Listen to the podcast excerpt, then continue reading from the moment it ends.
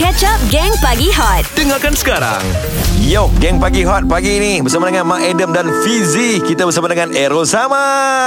Assalamualaikum semua Selamat pagi Yes, Raja Komen Malaysia guys. Yes. Errol, nak tanyalah, setiap kali ada posting yang terbaru, contohnya IG Hot FM, awak mesti orang pertama yang komen. Ha. Adakah ini gimmick terbaru untuk pelancaran awak punya uh, single? Tak bisa eh? Okey sebenarnya Kalau ikutkan Memang IG saya yang komen mm-hmm. Tapi bukan saya yang komen IG awak yang komen sendiri. IG saya yang komen Oh, Ah, oh. Sebenarnya bukan IG saya yang komen Aha. Admin saya yang mengkomenkan Oh, lah admin, admin. Jangan macam-macam pagi-pagi Patutlah nampak macam aktif betul Errol ni kan. So Ada admin lah So ini adakah satu gimmick atau untuk fun-fun saja? Okey sebenarnya Saya sendiri pun tak tahu Aha. Benda ni Dia berlaku sebenarnya Saya baru perasan minggu lepas mm-hmm. Bila uh, Oh, setelah sekian lama ni. Oh sekarang Minggu saya tak lepas tahu. baru perasan. Minggu lepas baru perasan Sebab Saya memang buat masa sekarang ni Saya agak busy sikit mm-hmm. Sebab Actually saya Cikgu muzik. Okey. Ah, So untuk musim uh, PKP ni Saya banyak buat online class. Okey, Errol. So every time when I have an online class Saya akan bagi saya punya phone Dan juga account saya Pada admin saya lah. Okey. Memang 100% orang yang komen So buat kerja. Okey. And then tiba-tiba Bila Satu hari tu lah Tiba-tiba macam wartawan And then ada kawan-kawan selebriti saya Ambil gambar Dan Okey. dia orang send kat saya. Saya cakap Eh Ru asal kau komen macam Ha And then saya pun go through lah Dengan benda tu. Bila go through go through macam Saya pun call admin saya Apa Okey. benda yang kau buat ni Aha. Saya suruh dia komen dekat saya punya Instagram uh-huh. ataupun saya punya DM lah kalau contoh orang nak panggil job Okey. macam orang nak buat paid review okey Okey. kita buat kan atau uh-huh. buat TikTok ke apa tiba-tiba bila jadi macam ni saya macam eh apa benda ni kan and Okey. then bila benda ni dah semakin viral viral viral dan ramai gila eh orang yang saya tak kenal yang lagi best saya pergi kedai Guardian kakak yang kerja Guardian tu siap sound saya eh Engkau ni kan yang selalu komen ni Kau buat apa ni ni ni ni Ya pahal ni aku lagi tak tahu apa Oh, dia uh, awak kena marah ke apa? Kena marah Kena marah dengan kakak tu. Oh kakak tu Saya macam Uish biar betul Tapi memang first dia orang cakap hmm. Ya kenapa kau selalu komen dekat Hot FM Saya macam hmm. Okay then saya go through Bila saya go through go through, go through Oh okay memang betul lah So uh, si admin ni adakah seorang dalam uh, keluarga atau uh, orang kawan? hmm. Okay sebenarnya admin ni adalah keluarga saya sendiri Okey. Ah, Okay. Sebab of course Bila kita musim PKP ni hmm. Of course adik-adik saya It's actually all of us is At the same home lah Okey. Ah, So bila apa-apa semua Saya bagi kat orang phone saya Saya suruh orang uh, I mean like reply Comment ah, Semua So saya sendiri pun tak tahu Boleh jadi macam ni Aha. Dalam keluarga berapa adik-beradik? Saya ada lima Lima. Dan saya nombor tiga Mm-hmm. Nombor tiga. Ada perempuan tak? Ada Okey. Ada. Saja tanya sebab visi suruh ta- saya tanya awak. Hmm, nampak tak? Cara dia tipu pun dapat gagak-gagak. Okeylah, kejap lagi kita nak tanya siapa sebenarnya Errol Sama. Yap. Hot FM Lebih hangat daripada biasa Pagi ini kita bersama dengan Raja Komen Malaysia Errol Sama. Sama. Yo Panas panas panas panas Panas panas panas redang. Eh Errol, ramai yang tanya ni dekat uh, Twitter pun ramai tanya siapa dia Errol Sama ni? Okey Saya seorang lelaki Mhm, tahu. Gurau gurau gurau Pasti, pasti. Pasti Warga negara Malaysia. Ya, warga Malaysia. Aha. Uh, dia macam okay, uh, saya sebenarnya seorang penyanyi, Okey. seorang pelakon Mhm. uh, dan juga seorang guru muzik lah. Uh, tapi untuk yang akan datang ni insya-Allah ada drama-drama saya akan keluar Mhm. sebab tu saya syuting tahun lepas dan juga lagu yang terbaru. Yes. Yes. Lagu yang bertajuk Tak Bisa eh. Tak bisa. So nak tanya lah Daripada lakonan Nyanyian Dan seorang guru vokal mm-hmm. So mana satu awak punya Forte Okey, kalau diikutkan of course mm-hmm. sebagai penyanyi lah. Aha. Penyanyi tu of course saya punya forte as mm-hmm. a, saya, saya juga buat lagu, mm-hmm. uh, komposer semua. So pada saya sebenarnya kalau diikutkan tiga-tiga ni memang berbeza. Betul Saya rasa uh, abang Mark pun Betul. tahu Sebab abang Mark seorang penyanyi. Dia bukan seorang abang Panggil uncle Betul, uncle eh. Mark. Ah, panggil uncle. saya sebenarnya bila saya jumpa tadi saya macam terkejut nampak muda tau. Ah, so, kan? daripada panggil uncle macam bertukar jadi panggil abang. ah. Tak apa, tak kisah, tak kisah. Panggil je apa-apa awak nak. Uh, janji uh, awak teruskan komen lah kat Instagram Hot FM. panas panas. Errol, okey. Uh, uh, dalam banyak-banyak komen uh, awak, banyak juga yang membalas kan. Ada satu uh, komen kat sini, dia membalas, uh, sama pula tengok Errol kat komen IG. Sikit-sikit sudahlah, lama-lama nyerap pula. Aha. So, Errol Errol, apa rasa Errol bila mendengar atau membaca komen-komen uh, sebegini? Dan juga adakah orang yang DM uh, Errol semata-mata nak kondem Errol? Gelak pecah habis. Geng Pagi Hot Seronoknya pagi ini Geng Pagi Hot bersama-sama dengan Errol Samah guys Ya, selamat pagi. Cik. Selamat pagi Errol. So itulah soalan kami dari tadi ah. Mm-hmm. Saya recap lah. Okey. Adakah orang-orang yang DM uh, Errol semata-mata nak kondem Errol Ada ke? tentang pergerak Errol atau uh, benda yang Errol buat tengah buat sekarang ni lah. Hmm, okay, so far sebenarnya memang banyak. Mm-hmm. It's a lot, a lot. Sebab A lot of the ring a lot of the ring.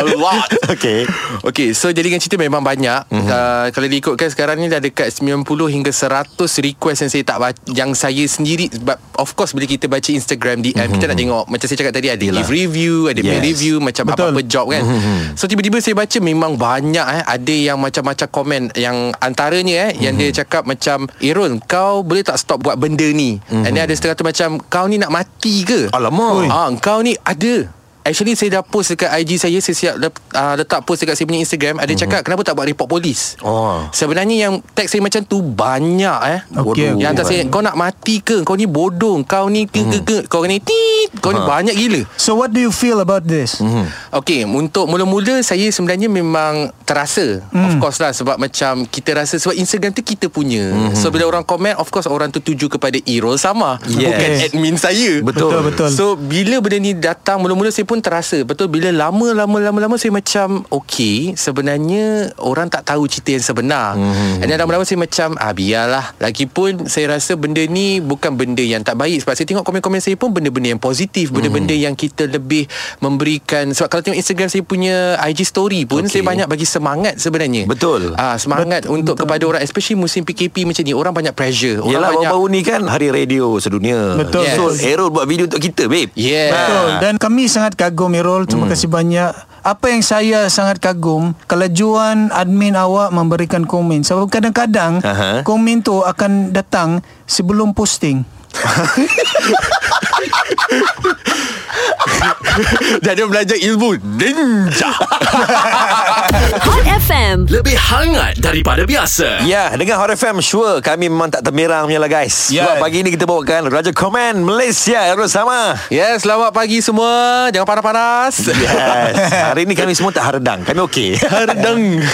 okey Errol, kita nak tanyalah macam mana uh, Errol memulakan langkah dalam dunia seni ni Errol? Okey, sebenarnya saya memulakan dari TV3 juga mm-hmm. daripada Media Prima di mana saya dulu pernah menyertai Mentor musim mm-hmm. ketiga bersama dengan Hale. Okay. Dulu kami adalah anggota kumpulan Evo, uh, protege kepada Jacqueline Victor. Oh, sudah lama tu visi. Uh, Tahun-tahun- 2009. Yes, betul. Saya belum jadi artis lagi. You ke? Betul visi. Saya jadi artis 2012. Ah. Tapi teruskan Errol. Alhamdulillah okay. Tapi masa time tu Saya masih budak lagi lah Budak remaja Time tu pun dalam rancangan mentor tu Saya paling muda mm-hmm. Saya paling muda Dengan Hale masa tu? Dengan Hill yes Oh. Tapi saya juga uh, ada dengar Errol uh, sebelum ni hilang di radar uh, industri sebab Ya. uh, pergi belajar ke Korea, betul kan? Yes betul betul Dekat Korea belajar apa? Okay dulu saya belajar dekat Korea uh, Tentang business marketing In uh-huh. music Uh, bukan business and comment ha. Banyak panas sekarang Jangan When you comment you make business. Saja Ah. boleh boleh boleh boleh tu. Aha. Eh tapi saya kena buat satu course lah nanti. Kena. Untuk komen saja. Yes. This is your comment. Okay, okay, okay. Lepas tu sama-sama. sama Okey, sama, uh, kemudian okay. lepas habis saya belajar sampai mm-hmm. 2014 mm-hmm. and then saya balik ke Malaysia uh, dalam setahun tu tiba-tiba uh, bapa saya meninggal. Innalillahi wa inna Yeah. And then after my father pass away Then saya slow down sikit lah Saya slow hmm. down uh, Dan saya mulakan uh, Perjalanan saya Sebab saya rasa dah okay sikit Kita punya feel semua Dan saya mulakan sebagai pelakon. Pelakon Oh. Ada buat modelling So saya belajar daripada bawah. Saya belajar balik. Lepas tu bila Dalam production Kita berbeza pula Sebagai penyanyi kan? Saya rasa Mak pun tahu. Okay. uh, Sangat berbeza. So saya belajar Macam mana Macam ni tengok Macam mana runner Semua saya belajar. So daripada situ saya belajar Oh macam ni. And then bila kita kerja TV kan? Berbeza. Okay. Ah, So dari situ saya belajar Untuk mematang lagi diri lah. Oh, And okay. then after then Saya banyak berlakon. And then sampailah tahun 2018 mm-hmm. Saya dilamar Seorang komposer bernama Awad Okey. Ah, Dia lah bagi saya lagu Teristimewa Oh Ah, Seorang Awad. sound engineer Ya Awad Studio Yes Okay, Okay minta maaf, minta maaf Irul lah bila Irul cerita tentang ayah tadi saya, saya tersentuh visi sebab Ya. perjalanan tu sama seperti saya. Betul Mood dia rasa lain kan Lain tapi awak kena teruskan kerjaya Irul. Ya. Awak kena pastikan awak kembali ke industri. Ya. Ya. Saya mula-mula pun saya rasa macam nak stop. Saya nak stop terus Sebab mm-hmm. macam Because actually Bapak saya yang banyak bagi Macam support Yeah. Dorongan Walaupun dia garang mm-hmm. Tapi dia banyak bagi support Bila apa-apa saya nak buat Dia macam Kalau boleh buat Buat betul-betul mm-hmm. Jangan macam half-halfway mm-hmm. Nak buat strategi Bila kau nak buat satu benda mm-hmm. Make sure benda tu menjadi Dan berjaya Kalau tak berjaya Kau rasa kau tak fin- confident mm-hmm. Jangan buat ah. Okey Irul, um, visi minta maaf ah. Saya Okey. ada soalan lagi. Ya, boleh boleh Kalau lah ayah ada sekarang, Mhm. kan? Irul nak cakap apa kepada ayah? Itulah kalau dia masih hidup Of course saya Nak minta maaf Mhm. Kalau ada Kalau ada terkasar Bahasa Ada banyak benda yang saya sebenarnya Rasa macam saya tak dapat tunjukkan Mhm. Sebab masa macam tu saya masih budak Okay Banyak benda-benda yang Kadang-kadang dia teguh Yang saya sendiri pun Masih degil biasalah Kita budak-budak remaja kan Mhm. And then bila dia meninggal tu banyak benda yang saya sendiri pun rasa macam yalah kita bila dalam keluarga ni saya keluarga yang ramai. Yes. So lepas lepas bapa saya meninggal banyak benda yang berlaku lah. Mhm. So Kalau tak keberatan Boleh kongsikan Apa yang benda yang berlaku Antaranya of course lah macam bila masa bapa saya meninggal about financial. And then masa time tu juga saya belajar satu benda. Mhm. apakah itu erti persahabatan Mhm. dan juga erti kekeluargaan? Sebab bila benda macam ni kita dalam kesusahan Mhm. saya betul-betul nampak macam mana mak saya suffer.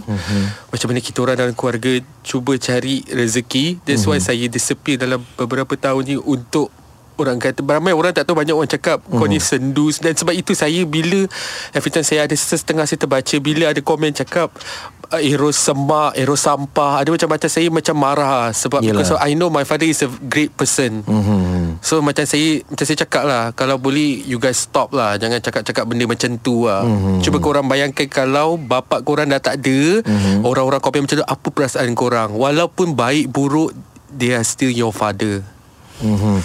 Okey lah Rol Mungkin Darul nak sampaikan sesuatu lah Kepada mereka yang masih lagi Mempunyai ayah. Sebagai seorang anak Yang terhilang seorang ayah ni Apa yang Darul, Darul nak katakan Kepada pendengar-pendengar kita? Kepada pendengar-pendengar Kalau boleh Selagi ayah korang ada Mhm. Korang jaga diorang Bagi yang terbaik. Walaupun diorang Kadang-kadang diorang marah Diorang sayang korang sebenarnya. Diorang bukan benci korang. Mana ada ayah yang benci pada anak dia So selagi dia ada Korang buat yang terbaik Buktikan apa yang korang boleh buat Dan make them proud Hot FM. Lebih hangat daripada biasa. Terlupakan benda-benda sedih Betul, betul. Kita nak kembali ceria Dan positif. Yes Yes. Move on, move on, move on. Errol, Move on. me- memang masa sangat-sangat mencemburui kita Errol Kan? Ramai peminat yang nak dengar Errol nyanyi sikit. Tak bisa Tak bisa untuk ku melepaskan Dicintai Sama teman-temanmu yang lain. Hanya ingin berpaling Tak bisa. Tak bisa untuk kau ku gantikan. Dicintai sama temanmu yang lain Okey, komen daripada juri Mak Eda Okey Irul sama. Dia punya suara baik Fizi. Aha. Baik.